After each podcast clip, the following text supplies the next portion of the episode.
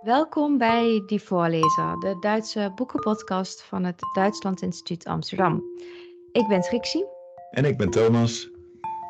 En elke aflevering bespreken wij een Duits boek. Vandaag uh, ben ik weer iets meer aan het woord. Uh, en uh, ik heb een goed voorbeeld aan jou genomen, Thomas, want ik heb ook een vrouw gekozen. Jij had de vorige keer natuurlijk um, die Judenboeg uh, gekozen. En ik heb vandaag uh, het boek Cassandra gekozen. En dat okay. is van Christa Wolf. je mag wel zeggen de DDR-schrijfster. dus um, ja, het werd wel tijd dat we die ook een keer aan bod lieten komen, dacht ik zo. Ik ben heel benieuwd wat je me erover kan ja. vertellen vandaag. En waarom ik het ja. zou moeten lezen, vind, je, dat, vind jij? Ja, je moet er in ieder geval van gehoord hebben. En um, ik ga ook wel even een paar zinnetjes um, voorlezen. We zijn immers die voorlezer, dus dat moeten we ook niet vergeten. Um, want de taal is gewoon ontzettend mooi. Ik vind het echt prachtig. Ik heb er ooit een bachelorscriptie over geschreven in, uh, ik heb het even opgezocht, 2005 was dat. En um, dat ging ook over het Cassandra-project. Maar goed, dat is dus al heel lang geleden. Dus ik heb zowel die bachelorscriptie uh, als de, de roman er even bijgepakt weer. En um, ja, ik vond het heel leuk om mijn bachelorscriptie terug te lezen. Want ik merkte daar al toch dat het, dat het pathos, een beetje het Griekse pathos, zeg maar, dat in die roman zit, mij toen ook al heel erg raakte. En, en, het, en toen ging ik het boekje lezen, de roman, en toen merkte, merkte ik dat het me toch nog steeds wel heel erg op een emotioneel niveau ook raakte. Dus dat het, dat, dat het, het nog steeds deed, zeg maar. Okay. Um, ook al ben ik natuurlijk wat, uh, ja, wat, zelf wat, wat, wat rustiger geworden misschien. Maar ik vond het alsnog echt super mooi. Het is een boekje uit uh, 1983. En um, Christa Wolf is uh, geboren in 1929 en overleden in 2011.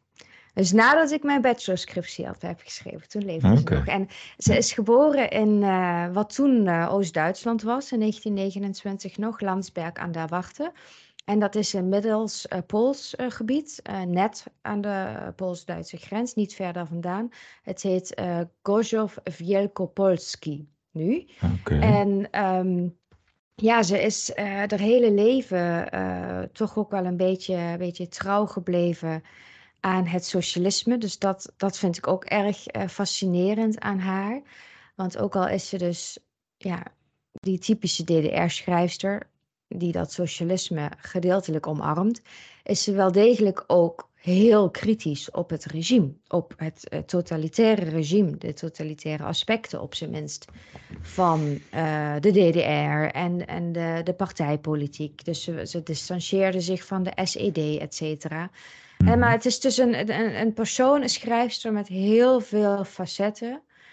Um, dus we moeten het zeker even over hebben. Maar mm. Cassandra zelf, hè, het boek, is ook gewoon, uh, ja, dat, dat, dat personage Cassandra, we kennen haar misschien uit de Griekse mythologie, um, is ook, is ook zo'n zo'n rijk persoon met heel veel facetten. Dus ja, vandaar ja. mijn keuze vandaag. Oké, okay. ja, dat klinkt al heel, heel spannend en heel interessant. Ook al de persoon Christa Wolf klinkt al aan zich heel spannend.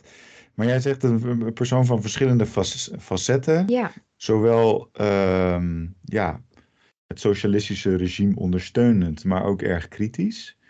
Uh, ja, kan, je, ja, kan je mij een klein overzicht geven van, nou ja, we gaan het zo meteen verder hebben over Cassandra, maar van andere boeken die zij heeft geschreven waar, waar je dat ook heel erg terugziet? Ja, in, in de DDR uh, gold eigenlijk de, de kunstvorm van het socialistisch realisme. Okay. Dus de kunst moet uitstralen dat het individu in een soort wij-vorm aankomt. En in um, 1963 publiceert uh, Christa Wolf een, uh, ja, volgens mij is dat haar eerste succes, Der geteilte Himmel. En dat mm. uh, omarmt ook heel erg het socialisme. En het, het hoofdpersonage komt ook echt aan in de maatschappij. Dat is een soort van beeldingsroman, hè, zoals we dat in de Duitse traditie kennen, maar dan met een socialistisch tintje. Maar dan al uh, is dat in Oost-Duitsland een beetje problematisch, omdat ze, die geteilte himmel gaat ook over de muur en over de deling. Uh, hè, de muur is dan uh, nog maar twee jaar oud. En het ging ook over de problemen die je daardoor ervaart. Het gaat ook bijvoorbeeld over zelfmoord, wat in, DDR, in de DDR ja, echt een taboe was, wat gewoon niet besproken werd, terwijl dat echt een groot probleem was in de DDR. Ehm, dus ja, het was echt wel uh, aan de ene kant dus iemand die het socialisme in de zin van ook kapitalisme kritiek uh, omarmde. Maar natuurlijk, of ja, natuurlijk, dat is zo natuurlijk is dat niet. Maar als intellectueel wel degelijk ook de vinger op de zere plek ligt. Maar dat heel voorzichtig moest doen. Want als je het mhm. te expliciet doet, ja, dan kan je het vergeten. Dan word je gewoon niet gepubliceerd. Ja. En ze heeft ook ooit wel eens de vraag gekregen van... maar goh, waarom ben je dan niet vertrokken? En toen heeft ze gezegd uh, van ja, ik, ik heb altijd het gevoel gehad dat mijn lezers in de DDR mij ook nodig hadden. Hè, dus oh. alsof zij zichzelf zag als een, uh, ja, als een, als een um, uh, baken van het socialisme zoals het ook kan. Hè? Dus zonder mm dat het verzandt in totalitaire structuren. En ja. um, bijvoorbeeld in iets later schrijft ze het boekje uh, Nadenken über Christa T. Dus eerst zo Die Geteilte Himmel is een groot succes. En Nadenken über Christa T. is ook echt heel kritisch over uh, ja, dat, dat, uh, dat dwangmatige hè, van die partijpolitiek en hoe dat doorwerkt in de maatschappij. Um, en dat boek, dat is dan ook vervolgens, dat is misschien ook wel interessant, in het Westen, in West-Duitsland dus met name, uh, ja, heel enthousiast ontvangen. Dus dat was eigenlijk haar doorbraak in West-Duitsland. Ook omdat het ja, natuurlijk wel fascinerend was. Dat, dat een Oost-Duitse, ook gerenommeerde schrijfster toen al, um, toch zo kritisch kon zijn.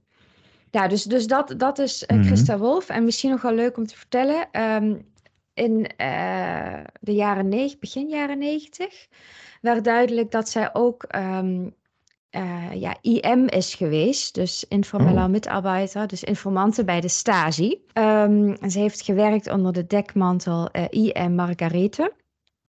En um, ja, ze heeft daarover gezegd wat veel mensen dan achteraf zeggen van... ja, ik heb alleen maar de, de, de positieve dingen doorgegeven. Ik heb gewoon meegewerkt, maar ik heb nooit iets essentieels... Uh, mm -hmm. Uh, nooit essentiële informatie prijsgegeven. Uh, maar goed, um, daar is uiteraard ook wel discussie over. Ze heeft dus wel eraan meegewerkt. Maar omdat ja. ze op een gegeven moment ook door de Stasi... De Stasi was niet echt tevreden met haar, uh, heb ik ergens gelezen. Dus um, ze vonden inderdaad dat, het, dat, dat er te weinig essentiële informatie uit Christa Wolf kwam. En toen is ze ook zelf überwacht. He, dus toen stonden er ook auto's voor haar deur te kijken. Oh, ja. Zo gaat dat. Er staat er ja. achter jouw naam ook weer een kruisje. Ja, en, en daar heeft ze ook over geschreven. Um, die Stasi is natuurlijk zo ontzettend werkzaam geweest, omdat uh, ze bouwden op onderling wantrouwen. Mm -hmm. Ze hadden natuurlijk nooit genoeg mensen en nooit genoeg hè, microfoontjes of wat dan ook, om iedereen te kunnen afluisteren. Maar ze hadden wel het vermogen om individuen onder druk te zetten en uh, ja, daarmee eigenlijk uh, onderling dat, dat, dat wantrouwen te creëren. En dat je nooit wist wie je kon vertrouwen en wie je wat kon zeggen. En dat ja. dat een eigenlijk heel effectieve manier was om mensen klein te houden, om mensen te onderdrukken. Ja. Hè, dus um, ja, dat, dat is, dat is uh, in het kort een beetje hoe, hoe Christa mm. Wolf um, uh, ja, wat, wat haar plek is in die, uh, in die literatuur. Ah, ja. Um, ja, even kijken. Ze, ja, nee, ik ben nog wel benieuwd. Is zij, is zij ooit zelf echt in de problemen gekomen door hetgeen dat ze schreef? Want er zat dus wel een kritische noot in. Maar mm -hmm. ik neem aan dat Oost-Duitse lezers dat ook begrepen. Of ook eruit konden halen. Ja. Heeft, ja, ze is niet, niet echt in de problemen gekomen. Ze is dus wel okay. uh, überwacht, dus ze heeft daar last van gehad. Uh, maar ze werd vervolgens wel um, achteraf ook, toen in 1990 natuurlijk de DDR hè, uh, in elkaar stortte. Um, toen heeft zij ook een ja, ze met haar verhaaltje Was blijft, uh, wat dus gaat over haar, haar door de Stasi, naar buiten gekomen. En dat is haar vervolgens wel wat kwalijk genomen. Hè? Dat, dat ze toen pas uh, echt de meest duistere kanten van de DDR aan het licht liet komen. En hoe ze daar zelf ook last van heeft gehad. Um, ja, ze is um, heel lang de DDR, of eigenlijk tot het eind is ze de DDR ook trouw gebleven. Ondanks alles. Hè? En ze heeft wel kritiek op de SED gehad, maar ze is toch heel lang lid gebleven. Dus Mhm. al die dingen eh, ja, maken haar natuurlijk voor West-Duitsland en van- vanuit ons perspectief ook een klein beetje verdacht. Dus het is eigenlijk meer dat ze daarna, ook na de val van de muur natuurlijk, eh, ja, weer een nieuwe plek moest krijgen. Want je, ze was de grote DDR-schrijfster. Nou ja, toen was de DDR weg. Wie is Christa Wolf dan nog? Hè? Wat blijft Ja. er dan nog van iemand over? En eigenlijk zie je ook wel in haar latere werk dat ze zoekende blijft. En dat ze ook het onderwerp van, hè, dus, dus bijvoorbeeld haar rol als informante, als die eh, informele mitarbeiter, Margarethe, dat dat voor haar een, eh, een, een, een, ja, een, een thema blijft dat wringt. Ze heeft in haar latere boek ehm Stad der Engel, heeft ze er ook weer over geschreven. Overigens ook een heel interessant ehm, boek dat, dat ook weer over andere dingen gaat als racisme, eh, feminisme. Eh, feminisme is al eerder een thema, ook bij Cassandra, maar in haar latere werk wordt ze ja, meer intersectioneel, zou je kunnen zeggen. Dus gaat ze die, eh, die ongezonde structuren ook op andere punten herkennen. Maar ze Mhm. blijft wel worstelen met: oké, ik ben dus bij die, bij die SED lang gebleven, ik ben dus in de DDR gebleven. Hoe, ehm, ja, hoe ga ik daarmee om? Dus eh, dat, dat maakt haar zeker ook wel een heel, ehm, een heel interessant eh, persoon, zeker. Ja. Ja, en dan, dan heb ik nog één vraag over, zeg maar, eh Christa Wolf. En dan gaan we daarna verder over, over Cassandra, over het boek hebben. Maar hoe kwam het tot haar werken in, eh, ook in het Westen gelezen werden? Kon dat gewoon daar naartoe eh, gestuurd worden met de post? Of werd dat gesmokkeld? Hoe, hoe moet ik me dat voorstellen? Dat vind ik een hele goede vraag. Volgens mij werd het daar gewoon uitgegeven. Oké, En ehm, dat zouden we nog eens moeten, moeten uitzoeken hoe dat dan precies ging. Maar het werd in Mhm. ieder geval gewoon eh, gelezen en uitgebracht. En ik denk ook dat het, nou ja, kijk, ze schrijft natuurlijk, hè, ook in Cassandra, verkapt over de DDR. Maar in principe zijn er ontzettend veel thema's. Bijvoorbeeld hè, die kritiek op het kapitalisme. Nou, die had je in de jaren zeventig. Eh, of in de jaren tachtig, ook in West-Duitsland natuurlijk. Dat is, Mhm. dat is ook geen, geen vreemd thema voor West-Duitsers. En ehm, überhaupt voor, eh, voor West-Europa ook. En daarnaast eh, is dus de, de taal waarmee ze schrijft ja, ontzettend mooi. Dus, dus ze werd in die zin ook gewoon heel erg gewaardeerd. Hè? Ik weet dat ze bijvoorbeeld in de jaren tachtig ook lid werd van ehm, eh, de, de Academie van de Kunsten, volgens mij. Dus in, in West-Berlijn zaten die. En ehm, ze was ook vaker in Hamburg, eh, in Parijs. Hè? Dus ze was gewoon wel Hmm. een internationale, of in ieder geval ook echt een nationale schrijfster.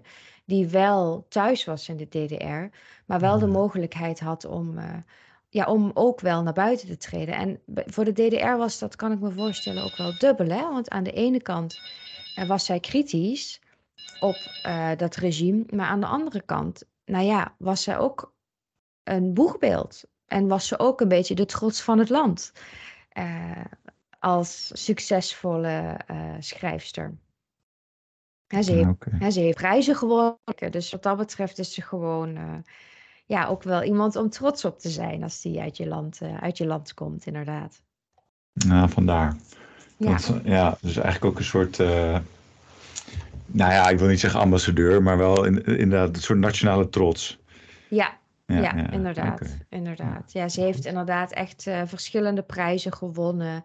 Eh, hè, ze, ze, ze, was, eh, ze kwam dus in kringen van, hè, zoals bijvoorbeeld die Academie van de Kunsten. En ze was gewoon, iedereen was het er wel over eens dat haar taal uitzonderlijk goed, goed geslaagd was, zeg maar. Ja. Oké, mooi. Ja. Van, van waar de titel en eh, ja, waar gaat het eigenlijk over? Waar gaat het eigenlijk over? Ja, ehm de grappig dat je inderdaad meteen Kluis erbij had, Penthesilea. Ehm Penthesilea komt ook in het boek voor, trouwens. Eh, daar komen heel veel namen in voor, die, eh, die ik ook niet allemaal de revue zou laten passeren. Maar ehm, wat dat betreft schrijft Christel Wolf een klein beetje in een, in een toch Duitse traditie om ook die klassieken niet te vergeten. Hè? Om, om Homerus er af en toe bij te pakken. En je daartoe te verhouden. Uh, Goethe heeft het natuurlijk ook heel veel gedaan. Uh, Schiller heeft het ook gedaan. Uh, is de Weimarer Klassiek. En eigenlijk is Christa Wolf met Cassandra en met haar latere werk Medea een beetje de, de DDR-klassiek geworden. Um, ik vind Medea minder geslaagd dan Cassandra. Cassandra vind ik echt een meesterwerk, dus vandaar mijn keuze daarvoor. Maar ze worden uiteraard wel vaak in één adem genoemd, omdat ze allebei een draai geven aan dat bekende mythologische verhaal. En dus uh, Cassandra als uh, koningsdochter van Troje, die uiteindelijk uh, als gevolg van de Trojaanse, Grieks-Trojaanse oorlog sterft. Um, nou, dus dat is, dat is waar we getuigen van zijn in dit boekje. En wat heel leuk is, is dat, dat Christa Wolf zegt dat ze zelf een beetje spontaan op het onderwerp van Cassandra is gekomen. Ze ging op reis naar Griekenland en omdat ze wat langer op haar vlucht moest wachten, um, ging ze een, uh, een Grieks toneelstuk lezen. En toen was um, Aeschylus, de Orestie, was het volgens mij. En daar komt Cassandra in voor. En dat is dan weer een beetje typisch Christa Wolf. Ingeborg Bachman zou dit ook kunnen doen. Christa Wolf leest dat en er komt dan, uh, komen dan diverse vrouwen, personen in voor. En Christa Wolf zegt van nee, dat geloof ik niet, zo was het niet. dus, dus ze gaat eigenlijk meteen in haar hoofd aan de haal. Ze voelt zich verbonden met zo'n vrouwelijk personage, in dit geval Cassandra de Zieneres. daar is ze beroemd om. Ze mhm. voorziet de ondergang van Troje. En ze is daarin de enige. En um, bij Aeschylus wordt zij dus als waanzinnige neergezet. Nou, en Christa Wolf, die voorziet misschien ook de ondergang van de DDR al in 1983, zou je kunnen zeggen. Ja. En uh, voelt zich daarin ook soms een beetje die roepende in de woestijn. En um, dat, dat is de link die zij als het ware voelt. Dus waar Cassandra in de Griekse mythologie eigenlijk neergezet wordt als iemand die een gave heeft gekregen van Apollo. En mhm. vervolgens heeft Apollo eh, dat, uh, die gave wel gegeven, maar eraan toegevoegd dat niemand haar gelooft. Nou, dat is hè, hoe het in de boeken staat. En Christa Wolf geeft daar een draai aan door te zeggen van hé, Cassandra is juist iemand die gezond verstand heeft, die doorziet wat er gaat gebeuren, die dus ziet wat anderen niet zien. En ja, daar kan je soms behoorlijk gek van worden. Hè? Daar kan je in ieder geval uh, wanhopig van worden. Dan ben je die roepende in de woestijn. En uh, zij, uh, zij heeft het door, dus zij gaat het zien. Uh, dat, dat, dat het misgaat. En dat het niet alleen misgaat tussen de Trojanen en de Grieken. Maar, en dat is, dat is ook een beetje een, een analogie met de, met de DDR. Ook intern gaan de dingen niet lekker. Hè? Ook intern is er te veel competitie, te veel strijd, te veel achterdocht te veel um, ja, überwachung eigenlijk ook, te veel hmm. controle. Dus dat, is, dat vind ik heel leuk aan dit boekje. Dat zij dus, eh, Christa Wolf is naar Griekenland gegaan, heeft toevallig die Aeschylus gelezen en komt daar op de plek terecht waar volgens de overlevering Cassandra gedood is. Um, door de Grieken dus. En dan, dat is misschien wel leuk om eventjes erbij te pakken, dat is meteen het allereerste begin van het verhaal. En dan zegt Christa Wolf, um, hier war es, daar stand sie. Of ja, ik moet zeggen, de verteller zegt het. Hè? Mm mag niet helemaal de, de verteller gelijk uh, trekken met Christa Wolf. Nee. Hoewel dat hier, hier aanlokkelijk is. Ja, ja. Um, en dan gaat het door. Hè, dus, uh, hier war es, daar stand sie. Diese steinernen Löwen, jetzt kopflos, haben sie angeblickt. Um, ik sla een stukje over. Unverändert der Himmel, ein tiefblauer Block, hoch, weit. Nah die zyklopisch gefügten Mauern, heute wie gestern, die dem Weg die Richtung geben, zum Tor hin, ins Finstere, ins Schlachthaus.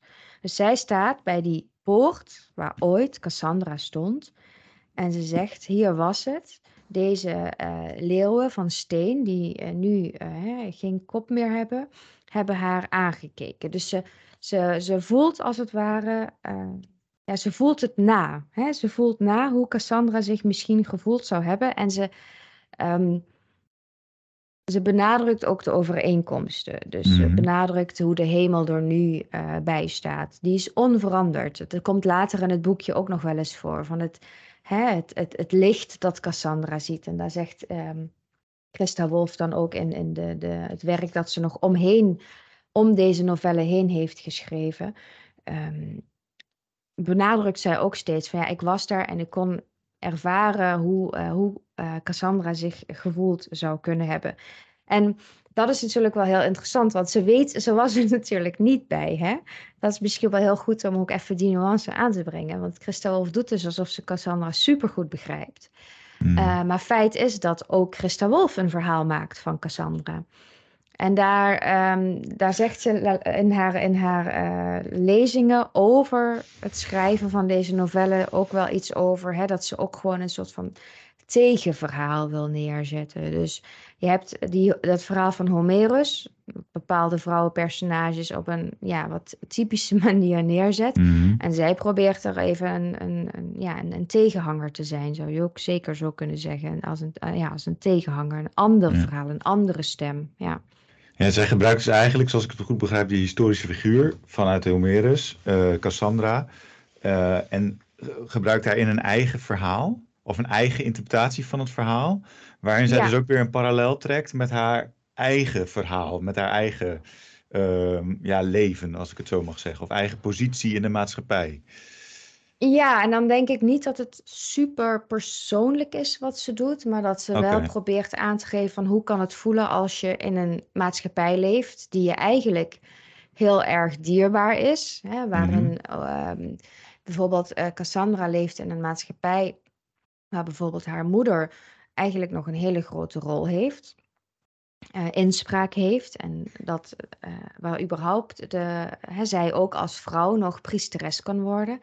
En zij is Mhm. eigenlijk getuige van een verschuiving, maar ze, ze wil eigenlijk heel erg graag behouden wat er is. Maar ze ziet daar kiemen van verkeerde veranderingen in ontstaan. En dat is, dat is wel het gevoel dat Christa Wolf en velen met haar ook hadden over de DDR. Die eigenlijk wel die socialistische idealen ehm, wilden omarmen, maar de uitwassen van het totalitaire regime natuurlijk niet. En dat, dat, is, dat is heel leuk gedaan in dit boekje. Het is maar een, maar een kort verhaal, maar je volgt gewoon Cassandra en af en toe denk je, oh, dit zou je inderdaad ook als een, ehm, als Ja. een analogie met de DDR kunnen zien, of zelfs met de Stasi. Eh, er, is, er is een personage die heet hier, ehm, even kijken, Oimelos heet hij. En dat is bij Homerus is dat de Griek, maar hier in het, in het boekje van Christa Wolf is hij een, eh, in principe een Trojanen, hè, aan de kant van de Trojanen. En dan, ehm, en dan zegt, eh, zegt Cassandra, die, die spreekt eigenlijk een soort monoloog op het moment dat ze bijna, bijna zal gaan sterven. En dan blikt ze terug op haar leven. Ehm, dan zegt ze bijvoorbeeld, we spraken al over de vijand voordat één enkele Griek op dat, op dat schip stond, naar ons toe. Hè?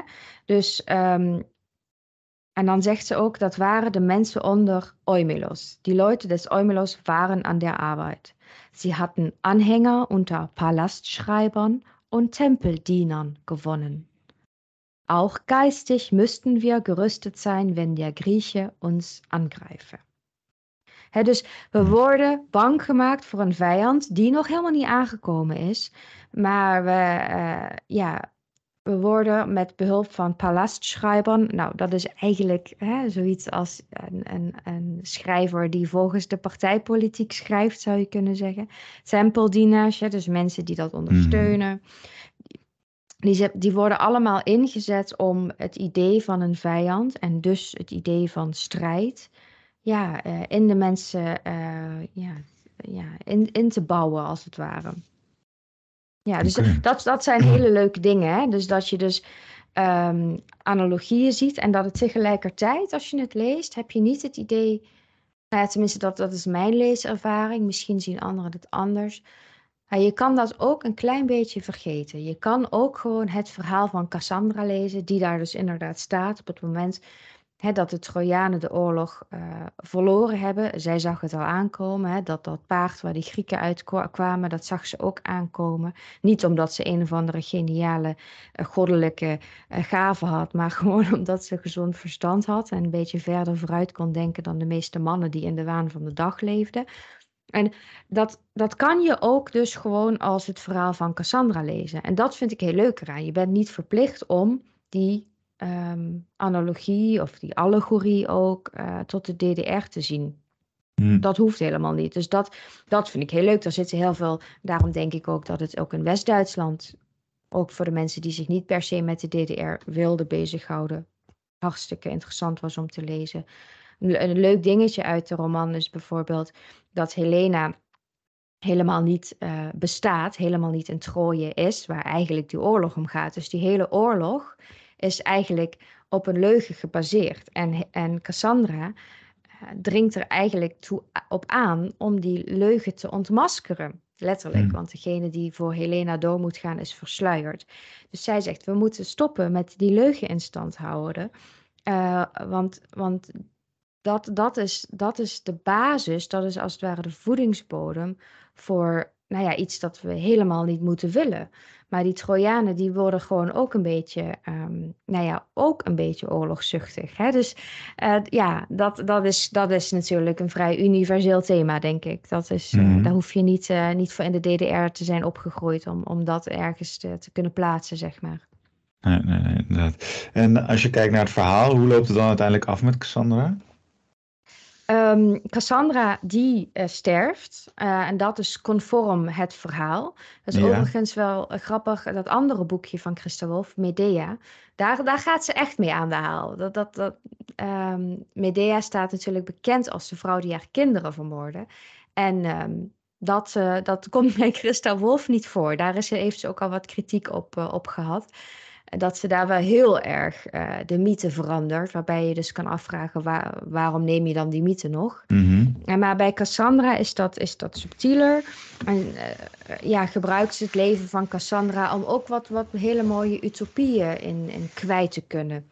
Bijvoorbeeld zit Cassandra met haar, met haar uh, vriendinnen in, aan, aan de rivier, aan de Scamander, in zo'n zo'n berg, in de grot van een berg, van de Ida-berg.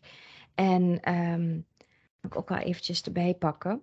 Dat deed mij ook heel erg denken aan hoe Christa Wolf in andere boeken en ook in uh, essays, ze heeft ook veel essays geschreven, schrijft over Mecklenburg. Dat je in Mecklenburg ook van die plekken hebt, had dus ten tijde van de DDR, waarvan je kan zeggen van ja, daar, daar merk je het niet zo. Hè? Daar merkt man het niet zo, hmm. zegt ze ook ergens. Daar kan je dus weg van die, in het geval van Cassandra, weg van dat apparaat van die Überwachung, van die oimelos, um, vluchten in een kleine, voorbeeldige, hè, wereld, waar je wel um, samen werkt, samen uh, ja, tot, tot een consensus komt, waar eigenlijk een uh, mildere vorm um, van de samenleving kan ja, kan, toch wel kan mhm. floreren in zekere zin. Even kijken, ik heb hier een stukje. Want het gaat dus niet zo goed met, um, met Troje. En dat ziet iedereen al aankomen. Maar dan zijn er nog een paar seizoenen dat ze een, ja, een, een kleine alternatieve wereld, zou je kunnen zeggen, uh, creëren. En dan zegt Cassandra, Wir drängten denen, die eine feste Hoffnung brauchten, nicht unser Wissen auf, dass wir verloren waren. En dus degene die hoop wilde houden, willen we, eh, vielen wij niet lastig met onze kennis, met ons weten, mhm. dat het afgelopen zou zijn. Maar doch unsere Heiterkeit, die niemals ihren dunklen Untergrund verlor, war nicht erzwungen.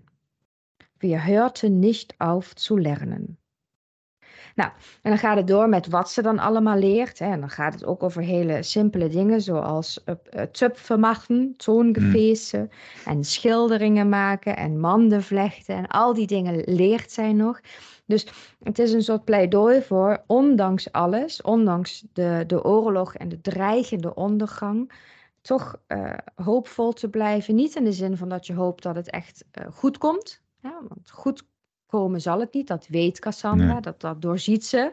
Maar uh, je kan tegelijkertijd wel oprecht nog geluk ervaren. Hè? Onze ja. heiterkeit was niet erzwongen. Dat is zo. Ja, die was niet verplicht, die, die nee. was er oprecht. Ja. Dus een soort geluk ervaren uit de kleine dingen die er zijn, de kleine eenvoudige dingen uit het leven. Of, ja, die kleine eenvoudige dingen die dus uiteindelijk niet klein zijn, hè, maar bijna een soort ja, uh, flessenpost of zo, hè?